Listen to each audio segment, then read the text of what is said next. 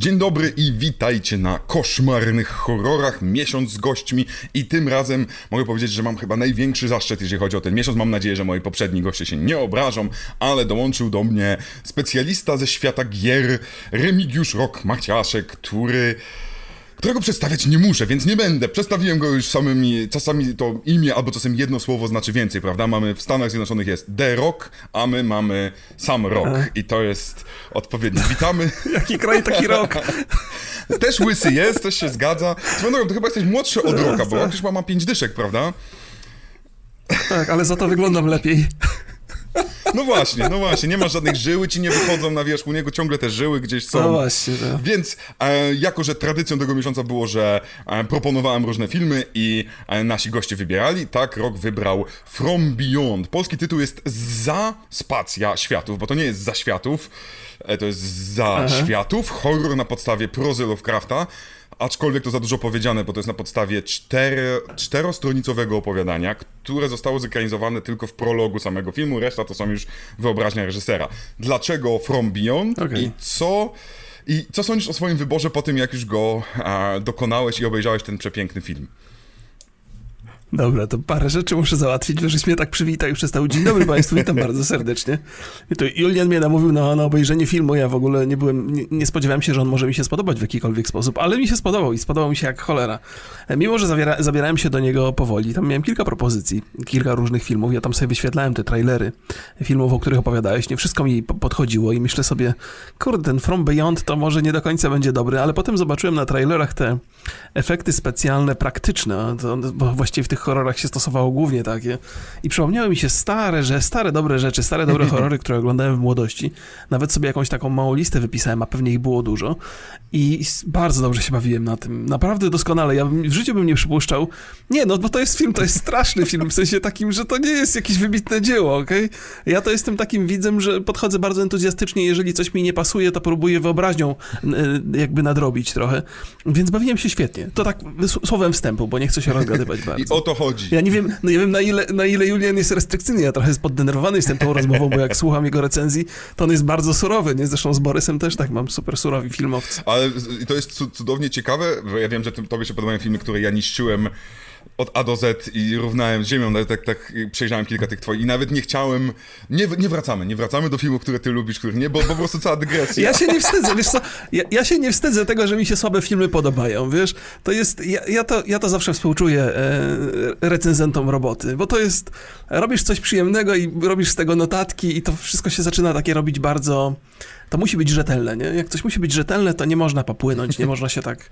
Ja, ja to się mogę wyzwolić i tak, wiesz, się zagłębić w tym filmie. Ale dlatego koszmarne to... horrory się różnią od moich recenzji i od ponieważ w recenzjach celem jest powiedzieć ludziom, jaki to jest film, e, starać się mhm. oddać jakieś emocje, a tutaj... Moim zdaniem my dzielimy się naszym sercem, bo ja sam pomysł poszedł z tego, że niezależnie jakimś cierwem są te filmy, jakaś Aha. cząsteczka nas je kocha. I na, im tak, gorszy, tak, tak. im dziwniejszy, tymczasem ta miłość jest większa, więc, więc dlatego na, na, nawet dla mnie From Beyond, mm, ja, ja do niego pałam miłością szczerą, kompletnie nie ze względu na Lovecrafta, co kompletnie nie ze względu na głupią fabułę, tylko ze względu na mhm. policjanta, na babę, który jest tak cudownie niepasujący do całego świata, jest takim pięknym, e, stereotypowym, jestem byłym futbolistą, który biega sobie w majteczkach i pyta, ale skąd, ale dlaczego mi stoi? Wytłumaczcie mi to moi naukowcy. I mua.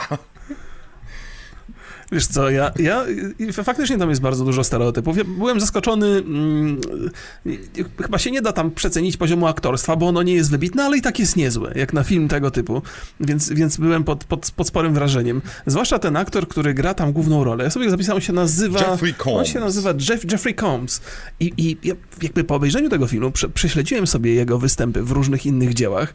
On strasznie był dramatyczny, taki przedramatyzowany, teatralny wręcz w tym filmie, ale to pasowało do konwencji im więcej oglądałem, tym bardziej mi to pasowało. I on w całej masie tych horrorów zagrał. I to jest Stuart Gordon jest, zdaje się, odpowiedzialny za te wszystkie rzeczy, nie? Tak jest. Ale widzisz, przygotowałem się, no, mam notatki, widzę. muszę robić notatki, bo nie pamiętam. Wiesz co, bo, bo jakby zafascynowało mnie to i, i trochę brakuje mi horrorów tego typu, bo ich wartość filmowa pewnie jest nieduża, ale ich wartość rozrywkowa jest o. bardzo, bardzo duża i mam takie poczucie, że gdyby zaczęto robić dzisiaj takie horrory masowo na Netflixie, to one by się oglądały bardzo dobrze. Ja przypominam sobie ten polski horror W lesie dziś mm -hmm. nie mhm. zaśnie nikt, co wybitnym dziełem też pewnie nie jest, ale, ale się obejrzał strasznie, bo ludzie lubią takie, takie to, to okrucieństwo, takie, ta brutalność, która z tych filmów bije. F fantastyczna rzecz. Ale widzę, że pobłądziłem chyba, bo o coś nie. innego mnie pytałeś. Nie wiem, czy ale, ale super, że na, na, tym mówisz, bo po pierwsze to się to zarabia, się w pełni zgadzam, po drugie już druga część jest. Gdyby to nie trafiło na Netflixa, gdyby nie pandemia, ja nie wiem, czy ten film dostałby sequel. A jestem... Nie, nie sądzę. Nie? To w kinach to, wiesz, no polski horror, no litości, to, to się w ogóle nie sprawdza, nie ma szans. Ale, ale poszło im całkiem nieźle. Tak. No, dla Netflixa to jest genialna sprawa. Tak, tak, tak, no, bo Netflix jednak y, da te pieniądze na tak zwane niszowe horrory, niszowe, bo tak naprawdę ten film, ten film nie kosztował dużo, on kosztował kilka milionów dolarów, co więcej, jednym z zabiegów, żeby go taniej nakręcić, on został nakręcony w całości we Włoszech nie tylko to, on został, on został w całości nakręcony we Włoszech na scenach i w lokalizacjach, które wcześniej służyły w innym filmie. Po prostu wynajęli go na dłużej y, lokalizację, dzięki Aha. temu mieli jeszcze taniej i tylko dzięki temu okay. ten film w ogóle mógł tam się zamknąć w tych kilku e, milionach, e, milionach dolarów. mówimy teraz o From Beyond, From Beyond. mówimy Mów o, From, From Beyond. A, From Beyond. E, to był film drugi, który był kręcony jednocześnie, nazywał się Lalki, także Stewarda e, Gordona. Stewart Gordon to jest też człowiek, który specjalizuje się w horrorach a ty powiedziałeś o Jeffrey Compsie. Czy kojarzysz, mhm. czy jak spojrzałeś na tą jego rzeczywiście niesamowicie dramat, dramatyczną, umęczoną twarz, skojarzyłeś go z reanimatorem i kojarzysz ten horror, który dla wielu jest takim kultowym tytułem? Wiesz co, kojarzę go z młodości, ale nie sądzę, żebym go obejrzał. To jest coś, co gdzieś tam, gdzieś tam w zasięgu moich zainteresowań się mieściło, ale nie, nie obejrzałem ostatecznie. Natomiast przejrzałem sobie te, te reanimatory i tam yy, wybranka reanimatora, czy tam narzeczona reanimatora, to chyba druga część no tak. była. Cudowne są te trailery, absolutnie cudowne. Ja jestem ogromnym fanem tych, tych efektów specjalnych, praktycznych. Jezu, kot, myślałem, że masz skrzypiący mikrofon. To właśnie, e, mój kot ma taką zasadę, że jak gadam do kogoś, to on się dopomina o Aha. uwagę, że on jest ważniejszy. No tak, no. To jak moja córka dokładnie. Tak samo. E, no więc zaraz, o czym to ja mówiłem? Mówiłem o tym, o że, że, to cudowne jest w tak. ogóle. Aha, tak, tak. To przejdźmy teraz, bo, bo z reguły początek, my już, my już jesteśmy, poszliśmy daleko, a z reguły pierwszą rzeczą, którą zawsze trzeba opowiedzieć naszym okay. słuchaczom i widzom jest właśnie fabuła troszeczkę inaczej wyjaśniona. Zatem fabuła w trzech zdaniach wygląda w ten sposób, że mamy, że w ogóle istnieje równoległy do nas świat który jesteśmy w stanie odkryć, gdy odpowiednio wibrujemy jakimś dziwnym dźwiękiem, i Aha. specyficzni panowie naukowcy, którzy mają też spore upodobania do różnych rodzajów um, um, przyjemności cielesnych, odkrywają, ale odkrywając ten świat, odkrywają też mroki tego świata i inna pani naukowiec rusza dowiedzieć się o tym i jeszcze połączyć to z, z leczeniem schizofrenii, a, we, a, wszystko oczywiście jest ubrane w Lovecraftowskie dziwne przerobia, przeróbki ciała i BDSM. Ale dziwne BDSM, ale to jest tak. Tak jest.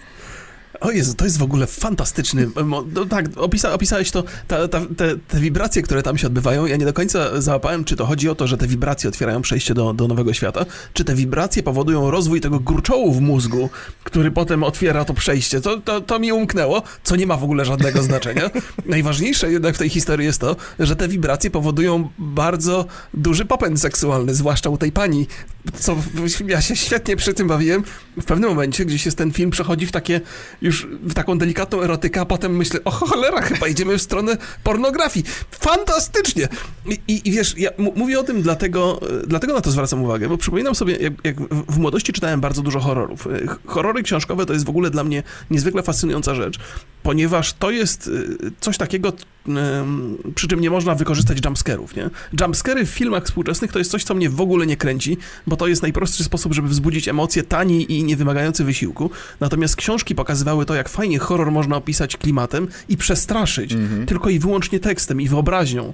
I, I zdecydowanie bardziej wolę takie horrory. Natomiast w tych moich horrorach młodości, najczęściej, najczęściej pisanych przez Grahama Mastertona, to tam przydarzały się niezwykle często bardzo odważne sceny erotyczne. On tam uderzał w pornografię, on chyba też w swojej tej y, księgozbiorze ma jakąś książkę pornograficzną przy okazji, więc dla mnie te, te takie mocne elementy erotyczne były częścią horroru, zawsze, nie? Być może to jest takie skrzywienie, bo niewłaściwych autorów dobierałem, ale jak zobaczyłem te sceny w tym filmie, to mówię, no tak, jestem, jestem jak, czuję się jak u siebie.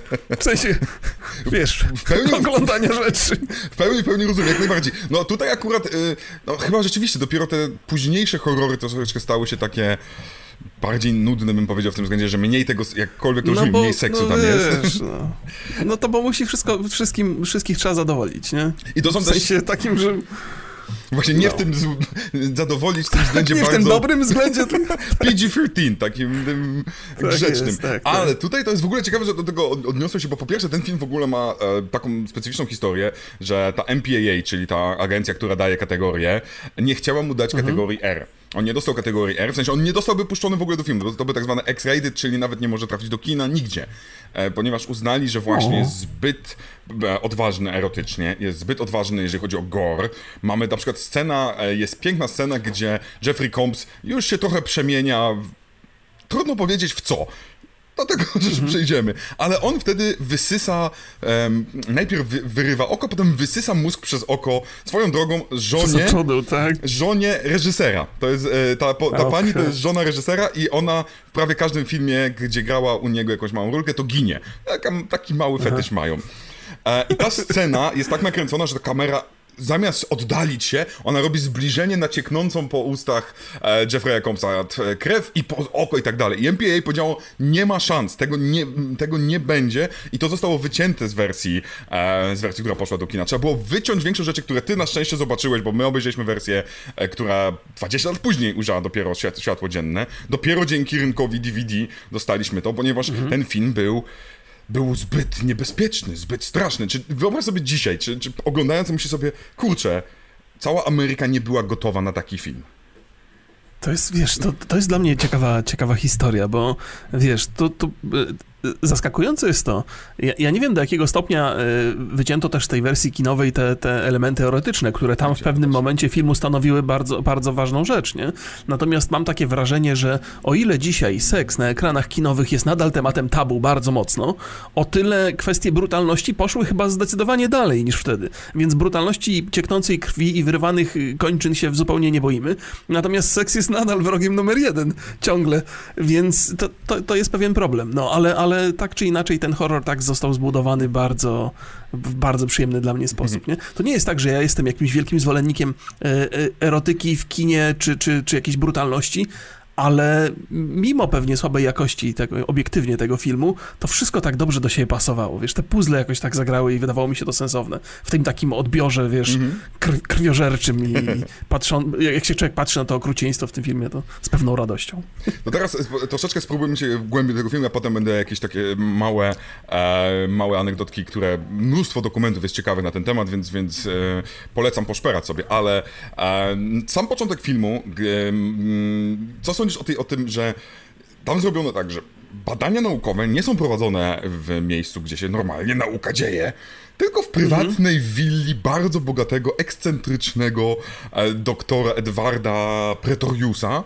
To brzmi w ogóle jak z RPA, by był jeszcze taki rasistowski e, Afrykaner, który ma jakiś super, boże, to jest taka flanela, taka chyba satynowa, gdzie uprawia seks ze swoimi partnerkami, które zaprasza, nagrywa to jeszcze i tam ten jego biedny asystent musi go wołać, chodź, chodź, znalazłem z czymś, bo, bo, dla mnie to było takie skojarzenie e, z takim troszeczkę doktorem Frankensteinem, tylko takim specyficznym, Aha. a Jeffrey Combs był tym Igorem, tym takim biednym sweterką, był taki grzeczny, codziennie i co noc musiał słuchać, jak ten jego profesor uprawia seks i w dodatku jeszcze te, jego, te kobiety krzyczą i on, o, a ja nie mogę uprawiać seksu. Czy, czy miałeś podobne skojarzenie na początku? Czy, czy, tam jest, tam jest dużo, dużo, dużo rzeź historii, powiedziałem. Ja z niektórymi muszę się zgodzić, z niektórymi chyba nie. Zaraz ci powiem, jak, jakby po, po pierwsze, to, to, się chyba zgodzimy, że, że dostęp do planu zdjęciowego, jaki mieli, no musiał trochę ograniczyć to, co tam można pokazać, nie? Natomiast e, to bardzo jest klasyczny horror, który zaczyna się od domu na uboczu gdzieś, nie? Dookoła ciemność, wiesz, w okolicy są domy, ale gdzieś, gdzieś trochę dalej, nie? Ten dom stoi taki samotny, mm, więc to bardzo, bardzo się wpisuje w taki klasyczny horror. E, no i ten, ten jakby, kiedy zostajemy zaproszeni do tej opowieści, to tam nie ma takiej, a prowadzimy badania, żeby uzyskać to czy tamto, nie od razu, dzień dobry, eksperyment, te druty się trzęsą, nie, światła, sąsiadka, pies ucieka, w ogóle dramaty, nie? I, i, i, ten, i, ten, I ten naukowiec, ale wydaje mi się, że jednym z, bo, bo jako, że ten erotyzm stał się trochę tłem tej całej opowieści w pewnym momencie, to podstawowy problem tego, tego Pretoriusa to był taki, że on mm, znęcał się nad tymi kobietami, on je zamykał w tym pokoju takim przemocowym, tam 50 twarzy Greya. Podejrzewam, to jest mniej więcej ten rejon, ponieważ on nie mógł uprawiać seksu, on prawdopodobnie był impotentem. No właśnie, to jest, to jest ciekawe, że, tylko że szkoda, że zostało to rzucone, bo to jest rzucone jak taka obelga w 80 którejś minucie filmu. Tak, My... tak, tak, tak. Kurczę, gdyby to było wcześniej, byłoby to moim zdaniem dużo ciekawsze, bo to by, to no, by no, no. tłumaczyło, no. dlaczego może on w tę stronę idzie, dlaczego to BDSM. Ja miałem skojarzenie z filmem Hellraiser, gdzie on próbował nowe obszary rozkoszy. No, to ma sens, skoro nie mogę odczuwać, no tak, to tak, próbuję tak, tak. wszystkiego innego. No, ale... no, no, to, to pasowało, pasowało. Ale szkoda, szkoda, że dopiero wtedy, bo gdybyśmy na początku już jakoś to widzieli... Ale wiesz, ale to taki fajny zwrot akcji był potem na końcu, bo nagle zaczynasz rozumieć, a, to dlatego. I też zaczynasz sobie zadawać pytanie, zaraz, zaraz, skoro ten taki niepokojący i, i niebezpieczny obszar naszej świadomości, który pozwala nam wejść w ten, ten dziwny świat, e, wygląda tak w tym filmie, to może on wygląda dlatego, że ten pierwszy naukowiec, który mm -hmm. został pożarty jakby, miał takie podejście do rzeczywistości, nie? Że on, wiesz, poszukiwał przyjemności, której nie mógł osiągnąć, poszukiwał jej przy użyciu przemocy i tak, wiesz, nawet w najgłupszym filmie można się doszukać głębokiej treści, jeżeli ktoś się bardzo mocno wysili. Więc, więc tam takie, takie rzeczy tam dostrzegałem. Nie no, słuchaj, y, teoretycznie rzecz biorąc, jeżeli podstawą jest ta króciutka, cztero, kilkustronicowa opowiastka Lovecrafta, który naprawdę czytał tą naukowe badania na temat tego fragmentu mózgu i na początku XX wieku e, Amerykanie, przynajmniej Amerykanie, jest to cudownym, amerykańscy naukowcy doszukiwali się w tej części właśnie odpowiedzialności za popęd seksualny, za wyobraźnię, więc teoretycznie jest tam, że to jest najmniej zbadany element mózgu, Ohoho. E, więc jest tym troszeczkę takiego mm, science fiction elementu, takiego właśnie tak, tak science, tak, tak, że odkrywamy naszą głębię. E, I tylko potem to, że akurat tak się rozrasta nam ten mózg, że wyrastają z niego takie małe czułki, to jest już, to jest troszkę inna to sprawa. Bardzo, bardzo bliski aspekt tego filmu dla mnie. Muszę powiedzieć, mówię, kurde, ale sobie dobrałem film, niech to licho. No ale, mógłbyś kos, ale byś cosplay zrobił tanio, bardzo tanio. O, no, tak, bardzo, bardzo. to prawda. E, dobra, no to czyli tutaj ciekawe, czyli mamy troszeczkę w, w, dwie strony, bo ja akurat troszeczkę inaczej zinterpretowałem to, bo, bo ten Wiesz, bo jednak in, inne obelgi są, gdy jestem na końcu filmu, to nazwałbym każdego impotenta, prawda? Johnnego... Johnnego A, ty impo... Tak, tak, tak, to prawda. To jako obelga, ale zgadzam jako się co do Igora. Zgadzam się co tak. do Igora, ten naukowiec faktycznie był taki zabiedzony i on tam y, musiał asystować we wszystkim i słuchać tych wszystkich tam krzyków rozkoszy czy nieszczęścia, nieważne co tam było. I co najśmieszniejsze, on potem w ogóle to jest przecudownie dziwne, że on trafia zamiast do um, do więzienia za teoretyczne morderstwo kolesia, który stracił głowę, tego naszego mhm. pretoriusa. On trafia do szpitala psychiatrycznego. I co więcej, mhm. trafia w sąsiedztwo celi, gdzie przedtem ciągle słuchał seksualne dźwięki, a tutaj dostajemy przepiękną scenę, i nie wiem, czy dało się to zrobić bardziej stereotypowo, gdzie, o, gdzie młodziutka pani doktor, która ma jeszcze okulary i spięte włosy, że potem mogła je tak, rozpiąć tak, tak. i być seksowną, przechodzi i tak patrzy. Jest. W szpitalu psychiatrycznym jest jeden nagi mężczyzna, który bardzo, bardzo uparcie się masturbuje i bardzo głośno się masturbuje, bo nie dało się bardziej stereotypowo pokazać szpitala psychiatrycznego, który jest akurat tak. sąsiadem naszego Jeffrey'a Combsa. Wiesz co, ja w ogóle przypomniała mi się scena z Milczenia Owiec, gdzie też gdzieś, gdzieś był taki jeden, jeden moment, że, że tam wtedy pani, pani detektyw wchodzi do tego, do tego korytarza i tam jeden też się tak bardzo intensywnie zabawia e, zresztą. E, więc nie sądzę, żeby tutaj akurat reżyser Milczenia Owiec poszukiwał inspiracji w takim dziele, ale najpewniej było to bardzo, bardzo stereotypowe. Faktycznie ten szpital był taki i ta pani, i pani, e, jak zobaczyłem tą panią, to pomyślałem, dokładnie pomyślałem to, co ty. Włosy związane, okulary, czyli ta uroda, która tam jest, jest, trochę ukryta, żebyśmy się nie spodziewali, żeby nas to zaskoczyło. Ale muszę przyznać, że ta scena z masturbującym się facetem, to, to, to, to był jeszcze taki moment, że się nie spodziewałem, że to będzie tak bardzo seksualność, e, e, epatowało seksualnością. Więc, więc to mnie trochę zaskoczyło, ale pomyślałem, a no dobra, szpital wariatów i, i, i dwie, dwie panie e, panie doktor, które podchodzą zupełnie inaczej do, do procesu le leczenia, nie? I tam walczą ze sobą i mówię sobie, okej, okay, jedna atrakcyjna młoda, druga trochę starsza, mniej atrakcyjna, pewnie zginie pierwsza, nie? Prawie, prawie, pra, pra, prawie zgadłem, ale, ale, ale nie do końca. No tak, tak, bardzo, bardzo stereotypowe miejsce. I to, że, a wiesz, tak, tak gdyby się tak na, na, na, zdrowy rozum zastanowić nad tym, nie? No oczywiście, że to było pewne uproszczenie, że oni trafiają do tego szpitala zamiast trafić do więzienia, ale gdyby się przyjrzeć temu miejscu zbrodni, to tam ani krwi nie było, nie? Ani nie było było, wiesz, na, na tym toporze śladów, ani głowy tego ziomka nie było, jakoś była tak dziwnie ukręcona, więc myślę, no okej, okay, dobra, pan prokurator ma pewne wątpliwości, zamknijmy gościa w szpitalu. Tym bardziej, że ten, ten, ten, ten e, asystent po tym, co zobaczył, no to się zachowywał tak, mówiliśmy, że on gra bardzo dramatycznie, nie? Więc, tak. więc totalnie na wariata tam wychodził, nie? Więc ma to no. trochę sensu, ma to trochę sensu. To pytanie, pytanie, czy on tak się zachowywał przez to, co zobaczył, czy przez to jego doświadczenie z, ze swoim e, przełożonym, który co noc biczował te swoje nałożnice. Który zresztą, no, bo, bo, ja się, mi się wydaje, że jednak on troszeczkę wcześniej już został skrzywdzony przez swojego pana profesorka. Że to tak, zobaczenie tak, przykręconej tak. głowy to nie było najgorsze, co zobaczył w życiu. No, wydaje mi się, że on został asystentem takiego gościa nie bez powodu, że to jest taki bardzo klasyczny naukowiec, który jest totalnym nerdem, nie wychodzi z piwnicy, tylko się zajmuje badaniami i tam przełącza te guziki, a tymczasem profesor się zajmuje rzeczami znacznie bardziej interesującymi. Tak, no, tak od, jest od nadzoru, od nadzoru, więc to akurat ja się w pełni zgadzam. No to są malutkie mrówki są od pracy, ale to wizjoner jest tym, który mówi, która z waszych prac jest najcenniejsza, prawda? No, który z kawałków kamienia, który przenieśliście dla mnie. Tak jest, zgadza To pasuje do bardzo do polskiej... Teraz ja pójdę w dygresję, bo ostatnio słuchałem odnośnie um, dyskusji na temat prac naukowych na wyższych uczelniach, które są oparte na prace naukowe studentów do których studenci a. nie mają prawa mm, finansowego, a które stanowią na przykład część doktoratu, albo część jakiejś książki, albo część profesury. I że na niektórych pra, e, prywatnych uczelniach, nawet przy podpisaniu dokumentu, że zostaje studentem, no to zbywasz prawa e, autorskie w pewnym sensie do swoich badań. Fajnie. I to właśnie jest mniej więcej ten sam projekt troszeczkę. Ja jestem studentem na pierdzielam, a pan profesor, tak, tak, dzień tak. dobry, dzień dobry. Tak, bo, bo, bo w, w, świecie, który miałby cudownie działać, jest takie założenie, że jeżeli student robi jakiś projekt albo broni jakiejś pracy, to udział profesora w tej pracy jest bardzo duży. To znaczy, że to się nie tylko siedzi i sprawdza, tu źle, tam dobrze, tylko się naprawdę dokłada swoje własne pomysły. Nie? Ta rzeczywistość niestety jest daleka od, e, o, o, od prawdy. Natomiast jak już chodzi o prawa autorskie, to oczywiście, że to mój udział, to ja, to ja poprowadziłem tego studenta ku światłu. No więc tak, tak. No, student się napracował, ale to ja zobaczyłem to, co jest najmądrzejsze w jego pracy. Ale e, to wracamy do tego horroru, bo oczywiście dostajemy przepiękne, e, że dobrze, to pani teraz będzie się nadzorować tym oskarżonym o morderstwo człowiekiem i damy pani do pomocy jednego kolesia. Jednego... No tak. Bardzo mi się to podoba. I przychodzi, który mówi, że a, jest, jestem przepięknym tekstem. Ja byłem futbolistą. Wszyscy jesteśmy szaleni. Tak jest, żeby trochę, żeby trochę, z, jak to się mówi, żeby, e, e, e, nie, nie miał zielonego pojęcia, to jest tak, żeby, żeby usprawiedliwić trochę to, że, że on się może zajmować tym szaleńcem, że to spoko, stary, nic się nie przejmuj, ja też swoje, ja też w życiu głupie rzeczy zrobiłem, nie? No, to, to tak, to, to chyba, chyba w tym sensie, no i fakt, ale to był za to naj, najlepszy człowiek, nie? No, najlepszy człowiek, ale jako, że był czarnoskóry, a to jest stary film, to się spodziewałem, że pierwszy zginie. Więc, y, więc to, to było też stereotypowe, ale przyjemna postać, taka też przerysowana. Tam te wszystkie postacie były przerysowane już.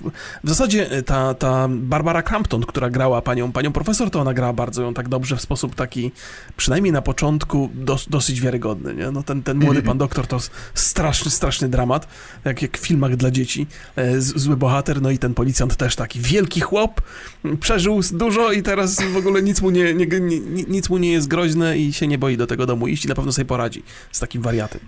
Więc Mi się on tak, kojarzył z tym kolesiem z e, Zielonej Mili, granym przez Michaela Clark Duncana, e, Boże, Coffee, czyli gigant o takim miękkim sercu. On tak naprawdę miał miękkie serduszko, chciał zrobić jakieś, goto gotował obiadki, temu, gotował obiadki kolesiowi, który teoretycznie jest oskarżony o morderstwo, gadał o jedzonku, bo cudowne było w tym właśnie takie połączenie, taki wielki, ale tutaj w serduszku jestem dobrym człowiekiem, nie będę, nawet nie przeleciał Barbary Crampton w momencie, w którym ona się na niego rzucała.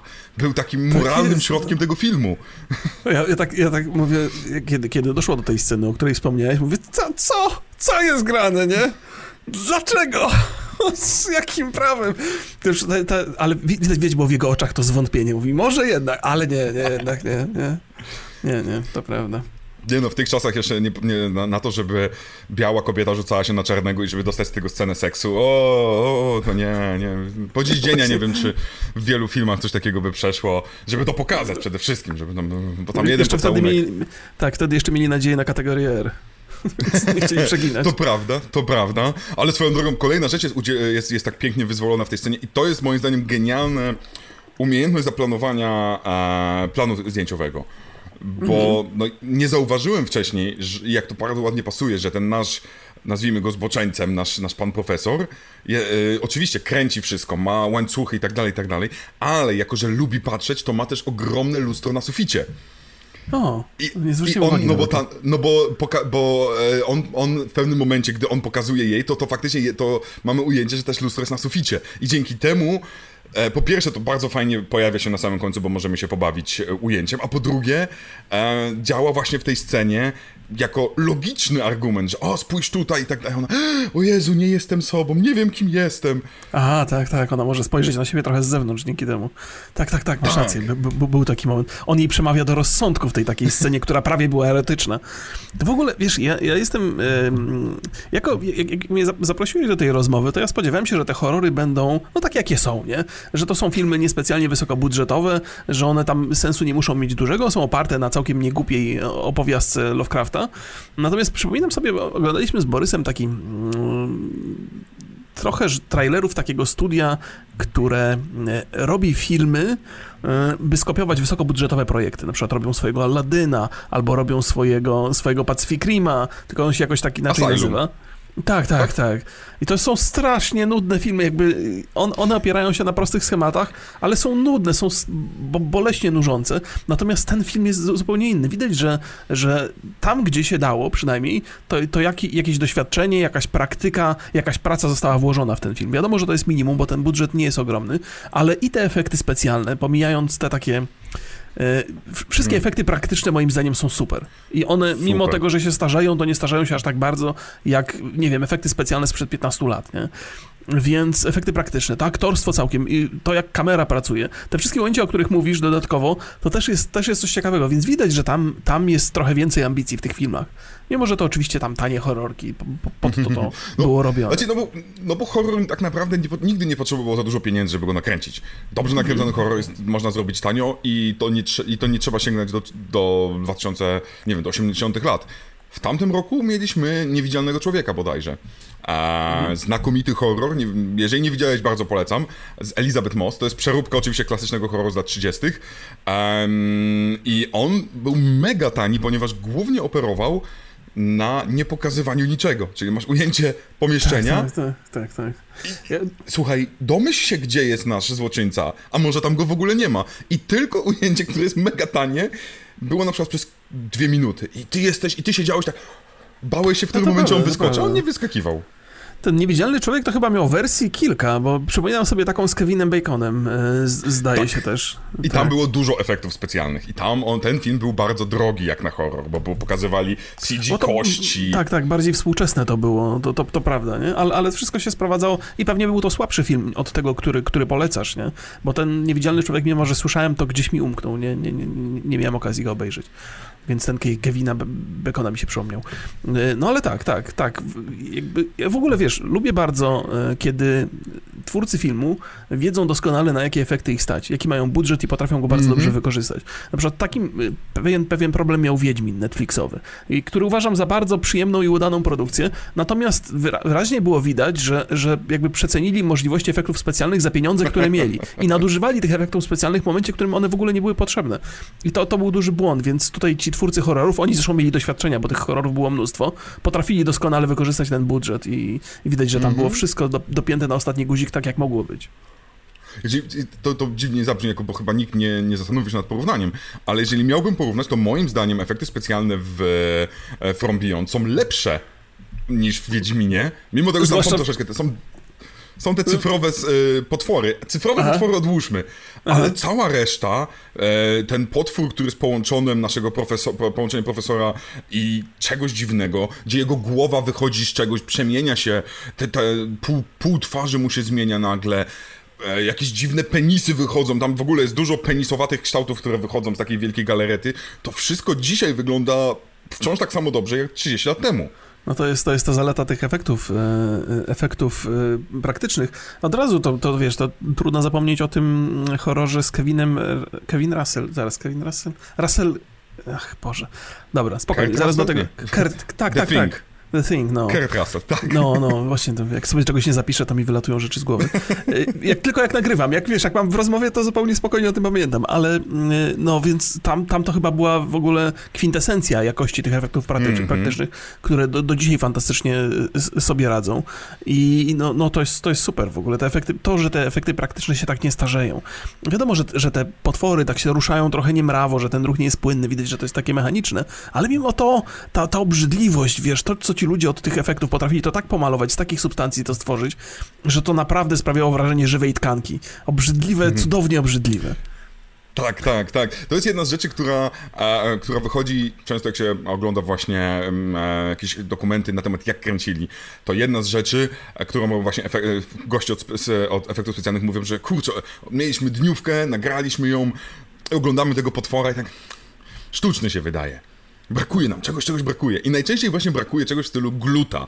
I, i w jednym z filmów mówiłeś o Kevinie Baconie, to w, we Wstrząsach było tak, że, że oni po prostu wykupili cały KY Jelly, czyli żel analny, wykupili mhm. cały w jednej aptece, bo po prostu musieli go tyle użyć, dzięki temu ten, ten ich potwór wyglądał jakby to się ślinił. Idealnie na kamerze wyglądał ten żel. I tutaj to samo.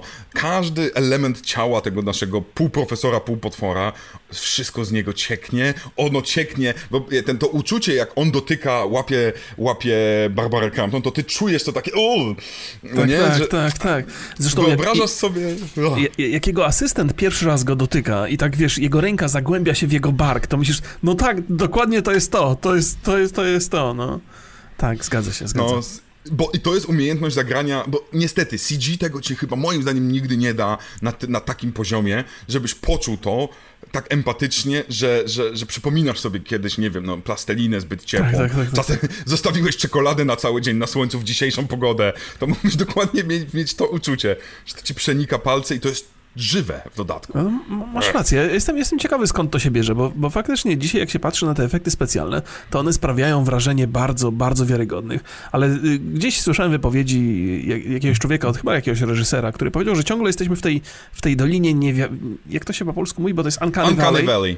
W tak Valley. Po polsku nie że wiem, co to jest. Że my nie wiemy co, ale coś no. sprawia, że nas wyrzuca z tego. My nie tak rozumiemy, jest. co to jest. Tak jest I, i, i bardzo często jak minie 10 lat od premiery takiego filmu, to nagle patrzysz na to i widzisz, no kurde, to w ogóle nie, nie, nie miało szansy, żeby dało się przyswoić. No a te potwory, które faktycznie fizycznie istnieją na planie, podejrzewam, że wręcz aktorzy też jakoś w, w, wobec nich się zachowują w inny sposób, więc, więc to jest to. I to, to jest chyba nie, faktycznie niezastęp, niezastąpialne. Mhm.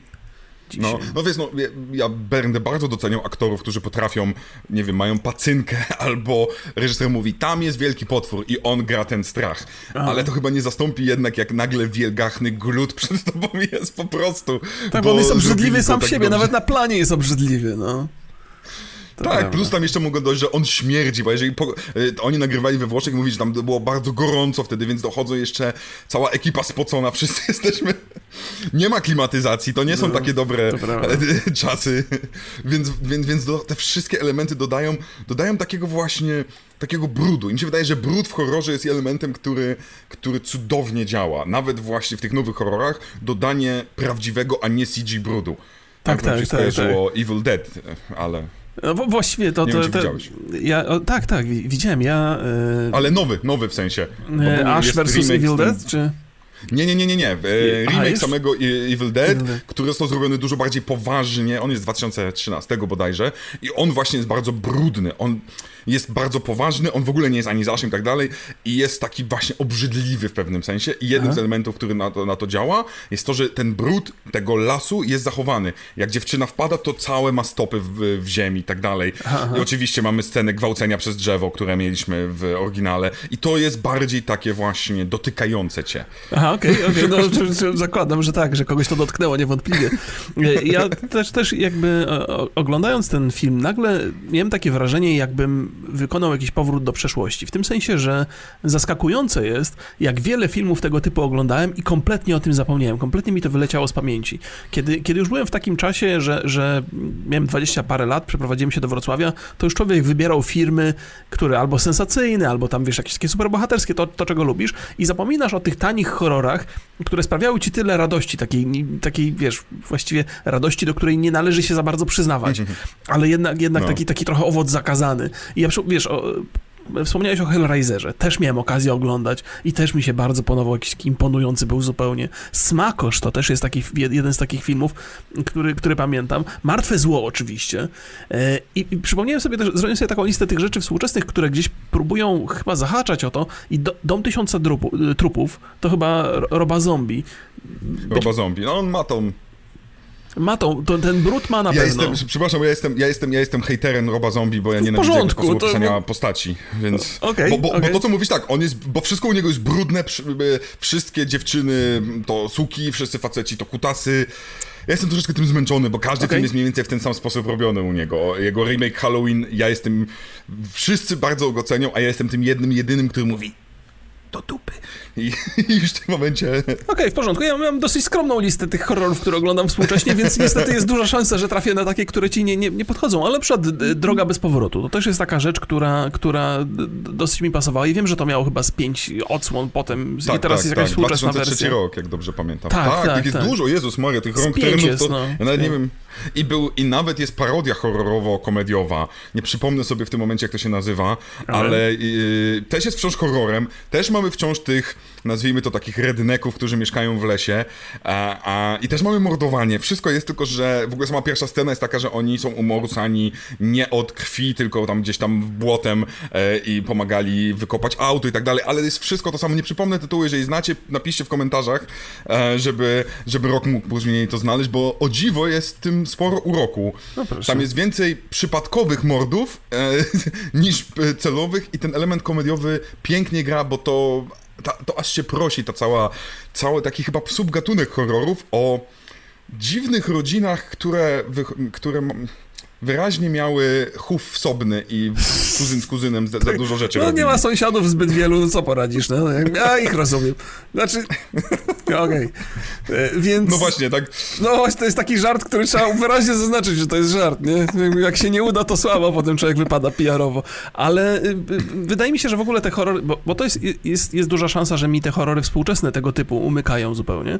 Mam wrażenie, że ich nie ma po prostu, mm -hmm. dlatego, że mnie unikają. Natomiast chyba seriale są takie, bo i ten y, kontra Martwe Zło, to jest też taki przy efektach praktycznych, jest też, yy, przeglądając te różne rzeczy, też trafiłem na taki serial, który się nazywa Stan versus Evil i mam wrażenie, że efekty specjalne są dokładnie na tym poziomie, yy, co, ale to też tylko trailery oglądałem, to tak, że Aha. i pomyślałem sobie, okej, okay, ten horror się nie zagubił, natomiast chyba zmienił, przeszedł do, do, do, do seriali bardziej i to też takich nielicznych, niż już, już w kinie go raczej nie dostaniemy. W kinie ostatnia rzecz taka, która, która podchodziła pod horror tego typu, to jest chyba Panic Room, ale to jest też raczej mm -hmm. z gatunku tego Cube i tak dalej, jakby te, te rozwinięcia tych rzeczy. Więc to jest, to jest odrobinę inny horror. No tutaj jest, jest takie poszukiwanie troszeczkę, dlaczego przeszliśmy z efektów praktycznych na, e, na efekty cyfrowe, skoro, efekt, skoro wyniki nie są aż tak zadowalające. A, Jednym z tłumaczeń, z którym się spotkałem, no właśnie, e, zachłysnęliśmy się na początku, w połowie lat 90. Jak Spielberg pokazał, że można mhm. w Parku Rajskim, to nagle wszyscy chcieli. E, I Cameron w The Abyss i w Terminatorze. E, ale w pewnym momencie to przeszło z elementu zachłyśnięcia, przeszło po prostu, że, jest, że o dziwo, tak jak kiedyś taniej było zrobić praktycznie, tak teraz taniej jest zrobić cyfrowo. Dodatkowo dochodzi element czasu. Mhm. Gdy film obecnie ma 90 dni na nakręcenie i to nie jest tak, że, że możemy to przeciągnąć, bo już producenci nie dadzą pieniędzy, bo każdy aktor ma jeszcze pięć innych filmów w tym roku do zagrania, to nie, mam, nie mamy czasu robić to inaczej niż po, czyli cyfrowo dodać to sobie przez studio, jakieś tak jak grę, takie troszeczkę jak z cyberpunkiem mi się wydaje. Po prostu musimy, e, musimy to robić potem, a, a efekt praktyczny nie, czasami zajmował kilka miesięcy, żeby przygotować potwora, mhm. żeby go zrobić, żeby zbudować animatronikę. E, jeszcze przedtem mieliśmy wcześniej jednym z cudownych elementów było stop motion, prawda? Tutaj chyba nie mamy stop motion, gdzie te potwory były, koleś po prostu poruszał kawałek ciała, co ujęcie. Klatka i, po klatce, i klatka, tak, i tak. poklatkowa. Tak no, no jest. No. To, to są cudowne rzeczy, ale to też robi kilka miesięcy, a jak masz 90 dni na planie albo 60, tak, tak, to, to, nie ma szans. To, to... Więc to trochę smutne, ale to chyba chodzi o czas, o dziwo. No wiesz, wiesz to jest też, ja, ja dosyć bacznie obserwuję taki kanał na YouTubie, który nazywa się Corridor Crew. I oni się zajmują efektami specjalnymi, sami je robią, ja bardzo, bardzo lubię te ich opowiastki, one są takie osobiste bardzo często i mi to sprawia dużo przyjemności. E, no i faktycznie zwracają uwagę na to, to jest, wiesz, to jest kwestia, po, po pierwsze tak, te efekty specjalne bardzo mocno się rozwijają, ponieważ algorytmy, które w tych programach działają, działają, są coraz bystrzejsze, coraz lepiej potrafią te rzeczy oddać, więc czas przestaje być takim dużym problemem, jak było kiedyś. Oczywiście wiadomo, że jak masz mniej mm czasu, to te efekty nie będą specjalnie udane. I oni też pokazują, że jest wiele takich wielkich filmów z ogromnymi budżetami, gdzie widać, że w pewnych momentach zabrakło tego budżetu albo zabrakło czasu i te efekty, nawet w tej Czarnej Panterze, która chyba najlepiej zarobiła z filmów Właśnie, Marvela, to tam walka tych dwóch ziomeczków na końcu jest bardzo, bardzo pod względem efektów specjalnych uproszczona, no. Więc, no, ale... Tak, tak, tak. I oni, i oni mówili o tej walce, mówili, tłumaczyli dlaczego, tak, tak. właśnie, że tutaj się cała koncepcja się zmieniła dwa czy trzy miesiące przed, e, przed premierą filmu. No, no. Nie, nie, przepraszam, w październiku, a film wyszedł w lutym i on wcześniej więc musiał, więc oni mieli cztery miesiące na zrobienie czasu, wszystkiego tak, od tak, zera. Tak, to jest... Oh. No ja, ja, jako ogromny fan, więc tutaj płakałem, bo do, do tej ostatniej e, sceny walki wszystkie efekty są naprawdę dobre, ale ta ostatnia walka... Uu, ja ci powiem, że... Czarno na czarnym tle. tak, to pra... ja ci powiem, że, że uratowało mnie bardzo słabe kino, bo, bo, bo byłem na Czarnej Panterze w, w, kinie Korona we Wrocławiu i często filmy są niedoświetlone. Naprawdę na maksa są niedoświetlone bardzo często. Ja nie wiem, czy to projekty się zużywają, czy coś, to jeszcze były w tych czasach e, niepandemicznych, więc w zasadzie nic ich nie usprawiedliwia, nie? I nie było nic widać przez cały film praktycznie, a w tym tunelu na końcu mówię, no kur, no i tak nic nie widziałem cały film, to teraz nic się nie dzieje, a potem patrzę gdzieś na zbliżeniach, mówię, Jezu, dobrze, że tego nie widziałem jednak. No. O, no to ja, ja w ten sposób miałem też y, problem z, z Hanem Solo. Trafiłem na jakąś kopię, e, jak Solo mówi wyszedł w Polsce, były ponoć jakieś, były kopie, które były zaciemnione. Aha. I ja właśnie trafiłem na zaciemnioną wersję kopii e, Solo i potem fani filmu krzyczeli na mnie, że ja krytykuję efekty właśnie przez to, że obejrzałem złą kopię, których kilka było ponoć w Polsce. Nie wiem, czy to jest mit, ale przy, usłyszałem tego tak dużo, bo miałem czelność zhejtować ten film. A ty więc, wiesz, więc... Ja, ja muszę, obe muszę obejrzeć, muszę obejrzeć, bo w Stanach, jak, jak byłem w Stanach, to, to, to się muszę przyznać, że miałem okazję e, oglądać ten film, ale byłem niestety pod wpływem i używek i nie pamiętam w ogóle nic, co drugą scenę pamiętam, albo nawet rzadziej. Natomiast muszę obejrzeć, ale chyba, chyba to jest taki film, który za, zaprzepaścił pomysły sta, Disneya na robienie dalszych takich, takich spin-offów w kinie, nie? Bo to się w ogóle nie sprzedało chyba. Strasznie słabo ten film. Nie, to był jeden, jeden z gorzej zarabiających. Tak, to jest chyba najgorzej zarabiający z, tych, z tej całej serii. Chyba nawet właśnie Water pierwszy a, przebił. A poza tym Disney Plus pokazuje, że... No, nie tędy droga. Muszą, no. Nie muszą już robić no, robisz Mandaloriana i hajs leci tak, w ten tak, sposób. Tak, to, tak, tak, tam tak, w pewnym momencie z Mandalorian to było chyba 60% e, widzów oglądało właśnie chyba, zapisywało się dla Mandaloriana, gdzieś jakieś badania robił Disney Plus i chwalił się tym, że po prostu wszyscy tylko to Ja się nie mogę doczekać, że będę mógł to obejrzeć. No, ale dobra, tak, wróćmy tak do, do tej historii. No. Ja znowu, ja, widzisz, to jest chyba rozmowa etyczna troszeczkę prawdopodobnie o geo, geoblokady. Ja uważam, że geoblokady są nieetyczne i uważam, że je kupujesz VPN i kupujesz Disney Plus.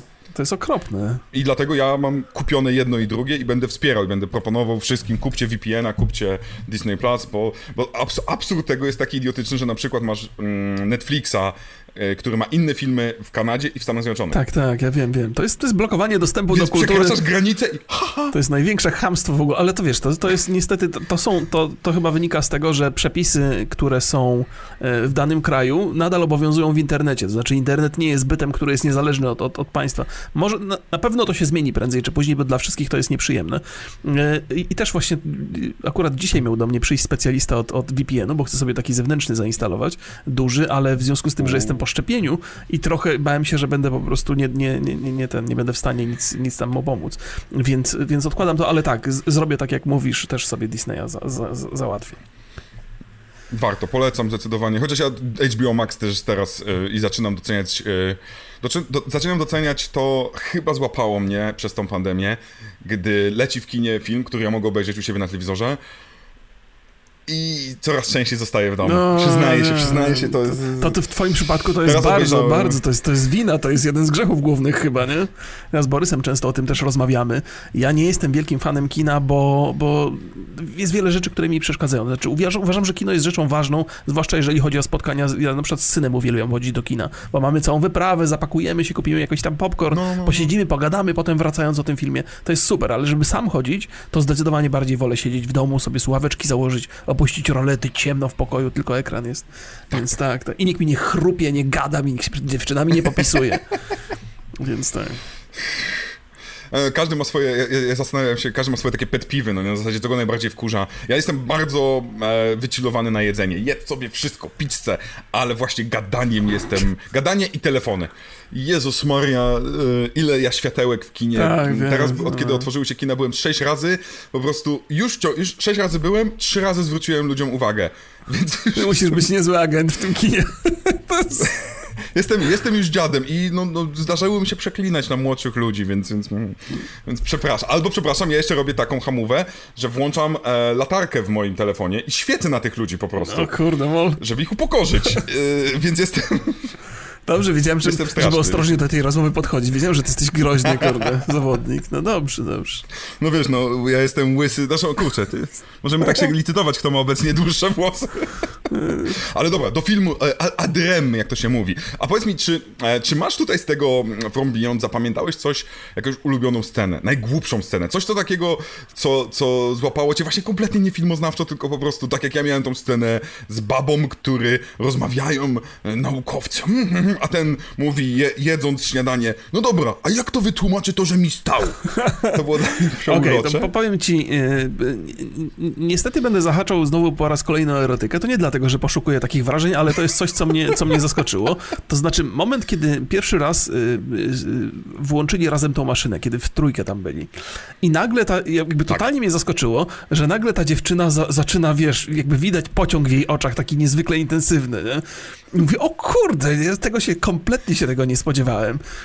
Więc to, to mnie zaskoczyło i tak, tak mi zostało na dłużej w pamięci.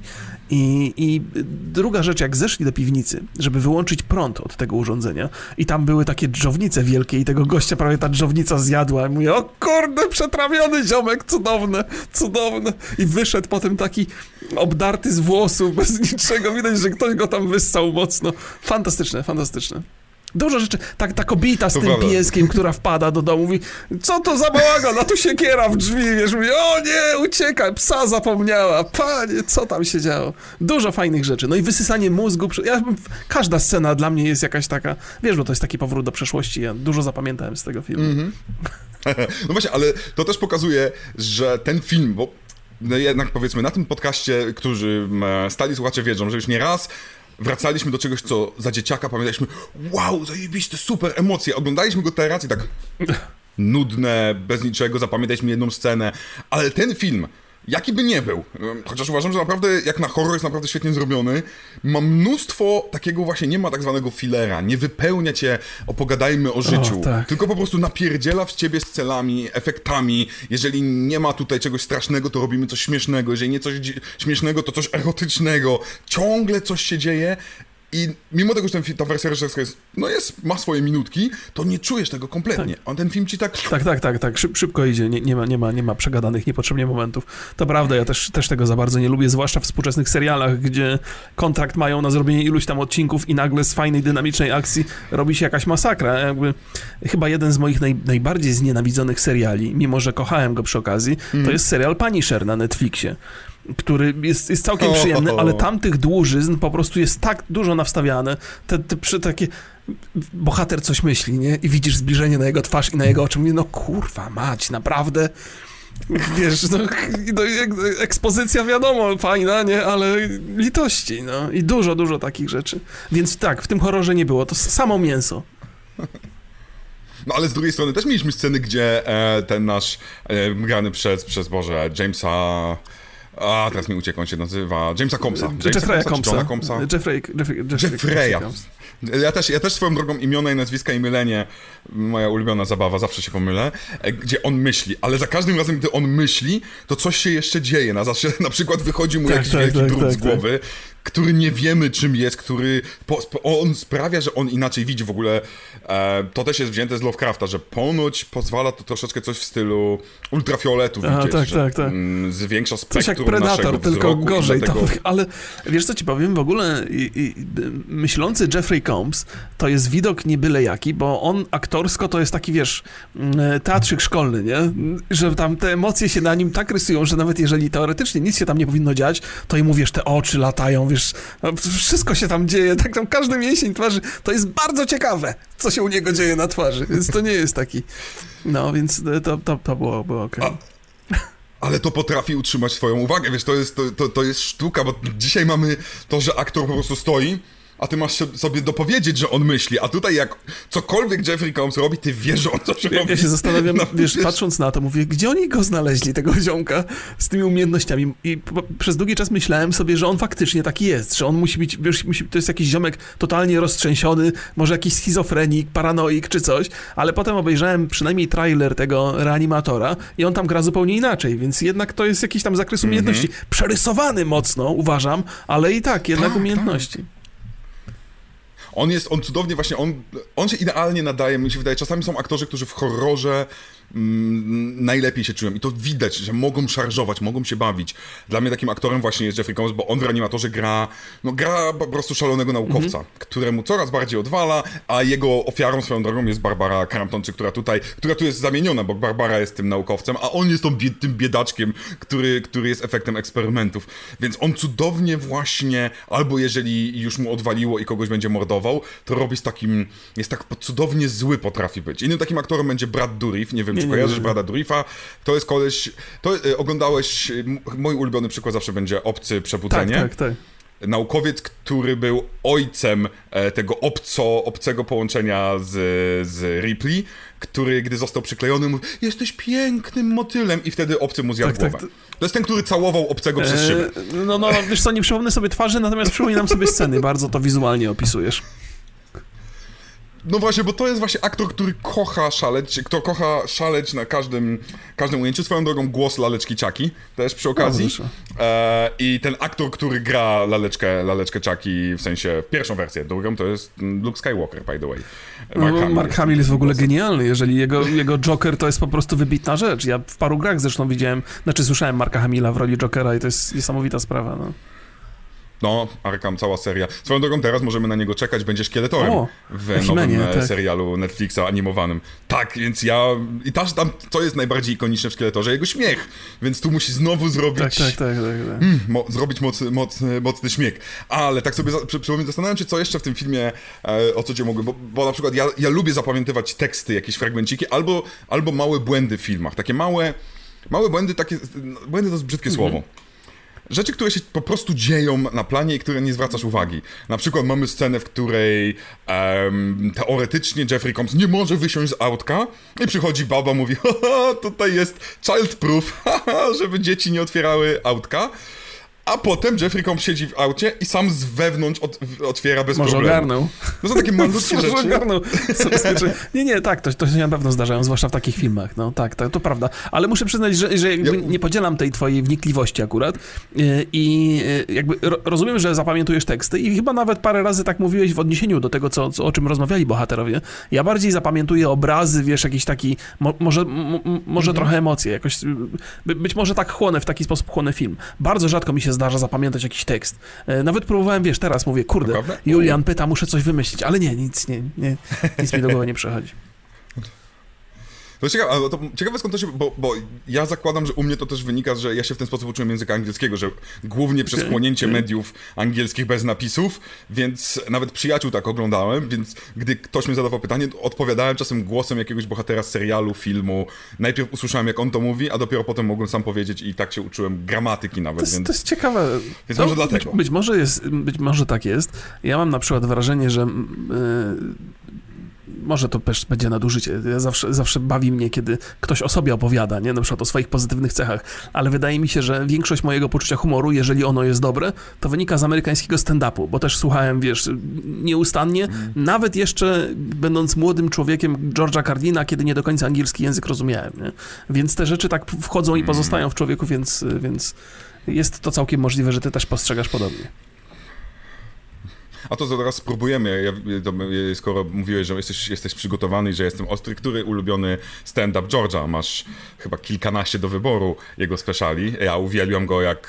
E, więc... Okej, okay, to, to jest bardzo podchwytliwe pytanie, muszę ci powiedzieć, bo George Carlin to jest taki stand-uper, którego dzisiaj ciężko złapać w osobnych y, fragmentach, ponieważ wiesz, te jego specjale, one nie, nie, na, na żadnym serwisie VOD nie są dostępne, przynajmniej na tych legalnych, które ja mam.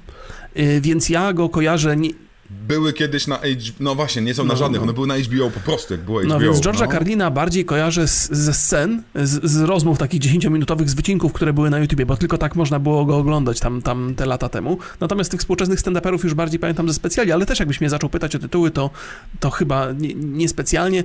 Nie chyba mój ulubiony, dwa w zeszłym roku były moje ulubione, to nie związane z George'em Carlinem, ale to powiem przy okazji. Mm, Paper Tiger, e, Billa Bera, fantastyczny moim zdaniem i Sticks and Stones, e, Dave'a Super, super, super ulubione o, rzeczy zeszłego roku. Sticksy są no, cudowne. Więc... To e, cudowne. Billboard jest, Billboard jest cudownie kontrowersyjnym człowiekiem, którego nie da się przesłuchać jego godziny gadania, żeby chociaż raz w ciebie nie, za, w sensie raz nie uderzył no, w ciebie no, czymś. No, to... I to jest dla mnie przykład komika, który idealnie igra z, z tłumem, bo, bo, mamy komików, prawda, którzy mocno są w jedną stronę, mocno w drugą, ale Billboard jest tak ma, ma tą zdolność obrażenia każdego. Ja doceniam ludzi, którzy potrafią obrazić. George Carlin zresztą e, w swoich stand-upach z lat 90. miał to, że e, lista ludzi, których nienawidzę, lista ludzi, których trzeba zamordować. I tutaj... Zgadza, to prawda. To prawda. A, dobrze, bo tak sobie przypomniałem, to chyba dzisiaj na wieczór pójdzie jakiś, jakiś George, bo y, dawno, dawno temu, gdy jeszcze można było dostać płytę CD z a, jakimś zgranym DivXem, który gdzieś ktoś, nie, nie wiadomo jeszcze, nie wiem czy wtedy, na pewno nie było żadnych Pirate Bayów, to jeszcze było dużo wcześniej, to właśnie y, mi się udało uzbierać kolekcję takich w nie najlepszej jakości, chyba z 16 jego, jego show. Du dużo tych rzeczy tak, nagrał, więc... no. ja w ogóle tak, tak. Przypominam sobie, że, że jak y, to jeszcze w początkach internetu ja miałem okazję George'a Carlina, chyba jeszcze nawet wtedy nie było YouTube'a, tylko było Google Video, tak to się nazywało, to są strasznie, strasznie stare lata. Chcę powiedzieć, dwa stare dziady gadają na podcaście. Państwo kojarzą w ogóle Google Video? To było kiedyś coś takiego. No, to fakt. Tylko czarno-białe wtedy były filmiki, wszystko było tak na korbkę. Może, tego też nie pamiętam, ale w sensie nie pamiętam, czy czarno-białe raczej nie, ale spoko, na korbkę być może internet był na, na, na, kartki na przykład, bo Polska kiedyś była taka biedna, że mieliśmy internet na kartki. Benzyna na kartki, to czemu by nie miała być, e, czemu nie internet? Dobra, myślę sobie teraz, co, żeby, bo widzisz, kurczę, strasznie płyniemy, mm -hmm. że tak mhm. się wyrażę. Myślę sobie, co jeszcze, um, a dobra, to jeżeli miałbyś wybrać, bo powiedziałeś, jeżeli miałbyś wybrać jedno uczucie, jakieś takie emocjonalne, powiedzmy, które zostaje z tobą po tym, e, po tym filmie, może postarę się e, zignorować no, To żeśmy teraz zagiął. Bo domyślam się, że... To, e, nie, nie, nie, zaraz, e, zaraz ci opowiem. Jakby ta, ta rzecz, która we, we mnie uderzyła, to to, że gdzieś pod koniec tego filmu mm, ten gościu być może w ramach obelgi, a być może faktycznie został jakoś nazwany impotentem, nie? I, i, i jakby pomyślałem sobie, kurde, to, to jakby teraz rozumiem, co, tym, co, co, co motywuje tego gościa. I to, że, że mm, ten świat taki, e, który został przedstawiony, że on nie do końca musi być niebezpieczny dla nas, on jest niebezpieczny wtedy, kiedy ludzie, którzy go obserwują, mają coś z głową. Wiesz, ten, ten oczywiście to może być absolutnie nieuzasadnione, natomiast ten młody mm, asystent, który stał się głównym bohaterem tej opowieści, być może jemu się pokazały te potworki, dlatego, że on był taki przerażony, zagubiony i ten świat odpowiadał, wiesz, mm. jego, jego, tego, co się dzieje u niego w głowie. Świat, który potem doświadczamy, to jest, jest światem z głowy tego profesora. Więc więc, y, więc to jest też ciekawe. Zresztą pamiętając Lovecrafta, też w młodych latach sporo go czytałem, no to on się bardzo lubił bawić w tą, w tą ludzką naturę, jakby wyjaśnienie ludzkiej natury. I, i, mm -hmm. i te mhm. wszystkie horrory i te wszystkie tajemnice wynikały z tego, co nam w głowach siedzi. Nie? Więc, więc to było takie zaskakujące, że w filmie tego rodzaju mogą się pojawić takie, wiesz, dziwne zwroty akcji, które dają ci, dostarczają ci źródła do refleksji. Ni stąd, ni zowąd, nie? ale podejrzewam, że to głównie Lovecraft właśnie, właśnie dostarczał. Więc, więc to. No wiesz, ja miałem bardzo. Ja trochę inaczej to mm. interpretowałem, bo, bo dla mnie to było tak, że. Znaczy, dwie wersje miały. Albo, że faktycznie ten świat jest taki straszny, mhm. straszny, mm. i w ogóle. Albo, że. Te, bo, bo Lovecraft do tego czasu nawiązywał, że. że jest w nas coś, czego my nie kontrolujemy, czego, coś, co jest takie właśnie brudne, czasem erotyczne, czasem e, pełne przemocy i tak dalej. I że ten element mózgu, im bardziej go rozwijamy, odkrywa w nas tę część natury troszeczkę jak takie id, jeżeli mamy iść u, mm, mamy iść e, psychologiem, prawda? Taki, taki nieskrępowany zwierz, który e, zabić, wyruchać, to są właściwie jego jedyne aha, tryby. Aha. I, I, ja w ten sposób widziałem, że to nie do końca jest tak, że ten koleś tak zrobił, ale że faktycznie e, rozwój tej, tego części, tej części mózgu wpływa na to, że wszyscy stajemy się tacy ta, ta, część id zaczyna dominować i nasze superego i jego już w ogóle nie ma, nie ma dominacji, tylko trzeba zjadać mózgi. To nie jest w sumie wyjaśnione, dlaczego on zjada są mózgi. Smacz, smaczne są z tego, Ale bardzo ładnie zjada. Dla, dla niego. Wiesz co, ja pomyślałem sobie, to ciekawe w jaki sposób e, obserwujemy rzeczywistość, nie? Że jakby ja jestem zupełnie świadom tego, że, że Lovecraft opowiadając e, swoje historie e, o tych ukrytych światach, mówił zawsze o tym, że one są przerażające, że tam są bóstwa, które, które tylko czyhają na nas i nas zniszczą i nas zrobią z nami rzeczy okropne. Natomiast cały czas y, obserwując ten film i też naszą rozmowę, to takie próbowałem znaleźć jakiś pozytyw w tym ukrytym świecie, wiesz. Pomyślałem sobie, okej, okay, to być może wynika z ludzkiej natury, jakby ktoś inny tam ten eksperyment przeprowadzał, to byśmy mieli motylki, kwiatki, wiesz, i, i jednorożce, nie? W, w, tej, w tej całej opowieści, więc może ja też mam taką naiwną wizję tego i chciałbym, chciałbym coś dobrego poszukać. Ale e, a propos tego IT, co mówiłeś, to pewnie są różne sposoby na to, by osiągnąć ten stan takiej y, totalnego wyzbycia się rzeczy, które nas kontrolują, czyli cywilizacyjnych rzeczy. To zawsze, zawsze, kiedy obserwowałem zachowanie moich, moich znajomych, to miałem wrażenie, że alkohol jest taką najprostszą ścieżką do ukazania e, tego, jak wygląda ludzka natura. Że są ludzie, którzy się upiją i są super serdeczni, przyjemni i się są obściskiwać i opowiadają wszystkim, że ich kochają, ale są też tacy, z których wychodzi naprawdę jakiś diabeł okropny e, i to, i to, i to no, po prostu ludzie się między sobą różnią, nie? E, więc, hmm. więc tego.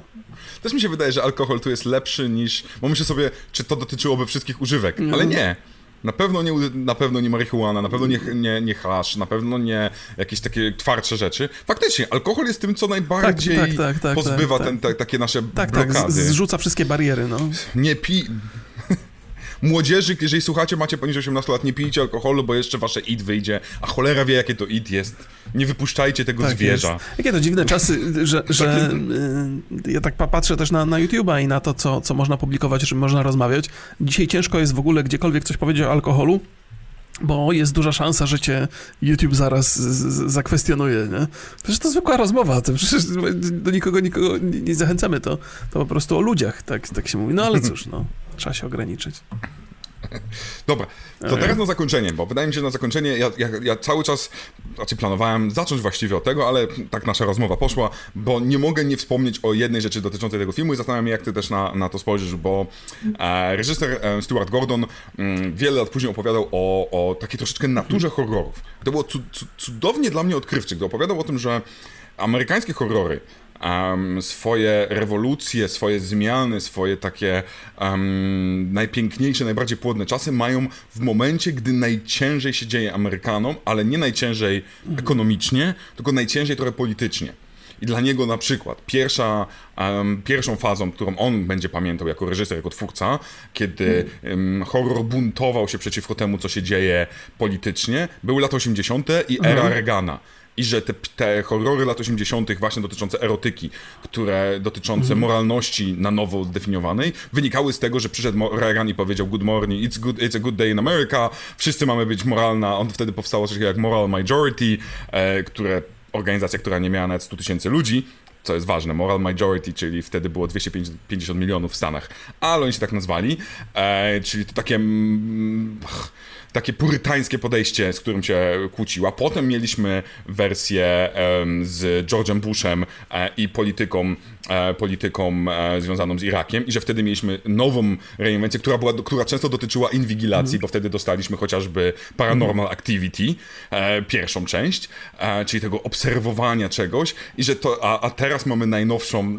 najnowszą fazę dotyczącą Trumpa i dostaliśmy dużo Ari Aster, dostaliśmy Jordana Pila, czyli na, czyli niejako te fazy najlepszych horrorów wynikają z tego, gdy politycznie niejako e, społeczeństwo najbardziej potrzebuje takiego on powiedział troszeczkę takiego pieprznięcia, takiego katarzis, bo jesteśmy mm -hmm. tak mhm. zmęczeni moralnym pouczaniem okay, przez polityków. To jest, to jest fajne.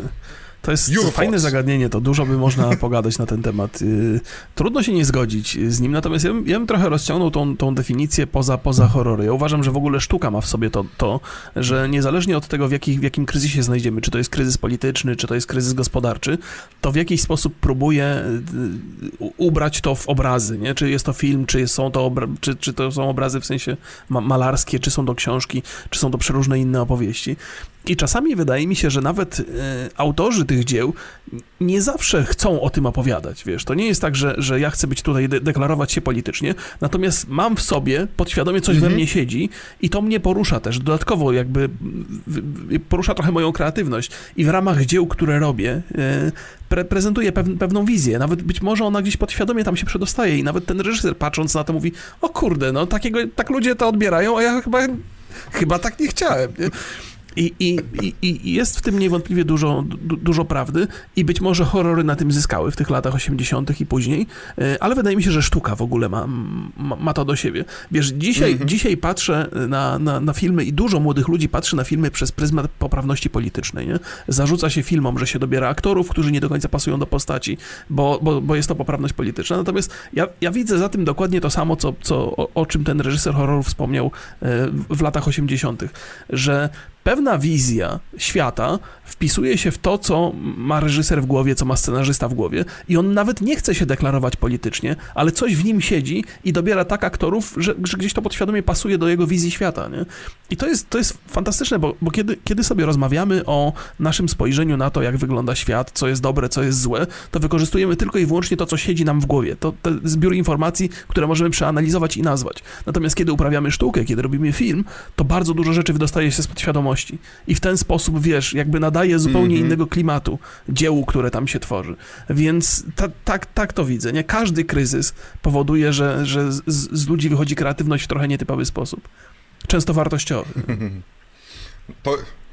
Tak, tak, tu się, to wysoko się cudownie zgodzę. Wydaje mi się, że jakkolwiek to pięknie będzie domknięciem. Zaczęliśmy od um, chwalenia, albo przynajmniej rok chwalił piękne e, kobiety i BDSM, a skończył moim zdaniem może świadomym, nieświadomym odniesieniem do Michela Foucault e, i do, e, i do metodo, metodyki dyskursu, gdzie właśnie znowu filozof ze mnie, który wychodzi na starość, gdzie on właśnie opowiadał o tym, że to, co jest uznawane za poprawne, niepoprawne i tak dalej, jest w zależności od czasu i, i możemy obserwować dyskurs właśnie analizując te dzieła co jest uznawane tak, za tak, tak, normalne, tak, a co jest za nienormalne. I to właśnie e, przepięknie, do tego, nagle okazaliśmy się e, niezwykle mądrymi e, krytykami kultury. Jak to się ładnie mówi, highbrow, mamy bardzo wysokie, uwielbiam, uwielbiam highbrow culture, bo my, mówiąc o filmie, gdzie mamy gdzie mamy kolesia, który nagle z ciała wy, wychodzi pięć penisów, które mają, nie mam pojęcia co zrobić bohaterce. Więc i w tym momencie my mówimy, tak, to jest dopiero nie, wiesz co, ja, ja no, wie, wiem, że już chcesz kończyć, ale uważam, że... Nie, nie, nie, nie, w porządku, już no. dosyć dużo, długo rozmawiamy, ja to rozumiem. E, uważam, że w rzeczach banalnych e, i, i pozornie bezwartościowych też można coś znaleźć ciekawego, bo ludzie, którzy je tworzą, mają swoje przemyślenia. I nieważne, czy oni się starają to robiąc, czy mają totalną olewkę, to jednak pokazują jakąś wizję swojej rzeczywistości i, i to zawsze jest cenne, jeżeli się człowiek przyjrzy. Czasami nie warto się przyglądać, oczywiście, ale czasami coś wyniknie ciekawego z rzeczy, która jest totalnie banalna. Nie, nie, ja, ja w ogóle nie wierzę w pewnym, znaczy no, wierzę w banalność, ale ja nienawidzę podziału okay, wysoka, okay. niska kultura. Albo, prawda, albo popkultura i kultura, gdy jest ten element, prawda, że no to jest film Marvela, to to jest popkultura, ale prawdziwą kulturą to jest dopiero jak zrobi okay, film Polański no, no, na przykład. To, to się zgadza. No, przewracam tak, oczami. Tak, to też dla mnie nie ma znaczenia. No, wręcz, wręcz jestem, jestem, wręcz dokładnie na odwrót jest, mi się wydaje, że, że dużo częściej pewna malutka część społeczności albo społeczeństwa lubi pewne osoby i dodaje im wartości, dlatego bo je lubi i pobliższe tak. są im. E, tak, tak, tak, tak dotyczy, szczególnie na przykład no, nowojorska scena i Woody Allen, gdzie każdy film Woody'ego Allena do pewnego momentu 2000 roku to był największe dzieło sztuki, E, czy tak faktycznie, czy to była kultura wysoka? Facet, który co roku robił jeden, dwa filmy i po prostu robił je tak maszynowo, jak Marvel teraz e, robi Robił swoje. rzeczy nie najgorsze, natomiast lud- e, częścią ludzkiej natury jest to, by niezwykle mocno cenić rzeczy, które nam się podobają. Więc jeżeli chcę podnieść trochę swoją samoocenę, to rzeczy, które oglądam, muszą być naprawdę wyjątkowe i wybitne. Więc tak. Tak, tak, tak. Oj, to prawda, ale na szczęście ja tak nie mam wszystkie. Wszystkie rzeczy, które ja oglądam, są faktycznie wybitne. Chociaż nie, ja wolę. Chyba ja wolę, szczerze powiedziawszy, taplać się w błotku popkultury. Im większe to ścierwo jest, tym ciekawsze rzeczy można zauważyć. To jest przynajmniej moje, moje podejście i dlatego ta idea przyświeca też koszmarnym horrorom. Szukamy filmów, które które ktoś ominął, które, o których zapomnieliśmy, które kiedyś krytycy nazwali ścierwem, a nagle okazują się dla nas źródłem niezmierzonej czasami radości, a czasem po prostu niezmierzonego zdziwienia. I tym mądrym, pięknym zdaniem dziękuję e, Rokowi e, za udział. Mam nadzieję, że nie, nie byłem strasznym hostem i nie byłem aż tak przeraźliwy e, jak w From Beyond. Znajdziecie oczywiście, gdzie, zresztą kurczę, co ja nawet mówię, gdzie znajdziecie Roka. Wszyscy wiecie, gdzie go znajdziecie, ale będą linki do jego wspaniałego podcastu e, oczywiście w opisie. E, polecam słuchać, nawet jak się nie zgadzam, nawet jak jestem wielkim przeciwnikiem Fame MMA i prawie się z Borysem. Zanim zaczęliśmy nagrywać, pół godziny się kłóciliśmy o to, bo ja jestem bardzo na nie, jeżeli chodzi o Fame MMA e, i, i nie, nie mogłem zrozumieć, czemu takie dwie wielkie osobistości poświęcają czas na takie... Właśnie w ramach poszukiwania Ale... rzeczy refleksyjnych w głupotach totalnych, być może. No właśnie, no właśnie szanuję za umiejętność to, tego poszukiwania, bo czasem są, są głębiny błota, w które nie potrafię się za, zagłębić i wtedy w... Wtedy przychodzimy my na białych rumakach, i do roka. Właśnie. W każdym razie dziękuję. bardzo Ci jeszcze raz dziękuję. Um, za tydzień kolejny gość na koszmarnych horrorach, nie mogę zdradzać kto. I dostaniemy jeszcze jednego gościa, um, niespodziankę, który, który wciąż nie jest potwierdzony, ale walczy jak głupi i obiecuję, że mi się uda wcześniej czy później, żeby um, te osoby się tutaj pojawiły. Możecie oczywiście zgadywać. Ja wam jeszcze raz bardzo dziękuję, Tobie Rok jeszcze także, e, jeszcze raz będę dziękował, dziękował, dziękował. Mam nadzieję, że może kiedyś uda nam się jeszcze jakiś horror dla Ciebie znaleźć. Ja od tego jestem, żeby ten horror był dla Ciebie niespodzianką. Więc e, szykuj się, już może kiedyś za rok wrócę, powiem, haha, nie, mam no, coś ca, jeszcze ciekawszego. po mojej stronie, dziękuję ci bardzo za zaproszenie, ja lubię takie, takie, takie rozmowy, kiedy mogę być wyluzowany, bo jak y, u siebie robię podcast, to próbuję przynajmniej być rzetelny, co nie zawsze jest dla mnie najlepszym rozwiązaniem, ja, więc, więc y, bardzo dobrze się bawiłem, y, może nie musi być koniecznie horror, okej, okay? więc cokolwiek mi zaproponujesz, to, to będę brał to dobrze, pod uwagę. Pozdrawiam, pozdrawiam, dziękuję, dziękuję bardzo. dobrzy, dobrzy ludzie, wytnijcie ten fragment i go wyślijcie Borysowi, żeby czuł presję i mój oddech, że zaczynam go wygryzać, że tam się czujesz niekomfortowo, a u mnie się czułeś komfortowo. To jest, jest sztuka dziennikarstwa współczesnego. Wyciąć, zmienić. Taki będzie post. Koniec z Borysem, tak się będzie nazywał filmik. Dobrze, jeszcze raz papa, żegnajcie, trzymajcie się.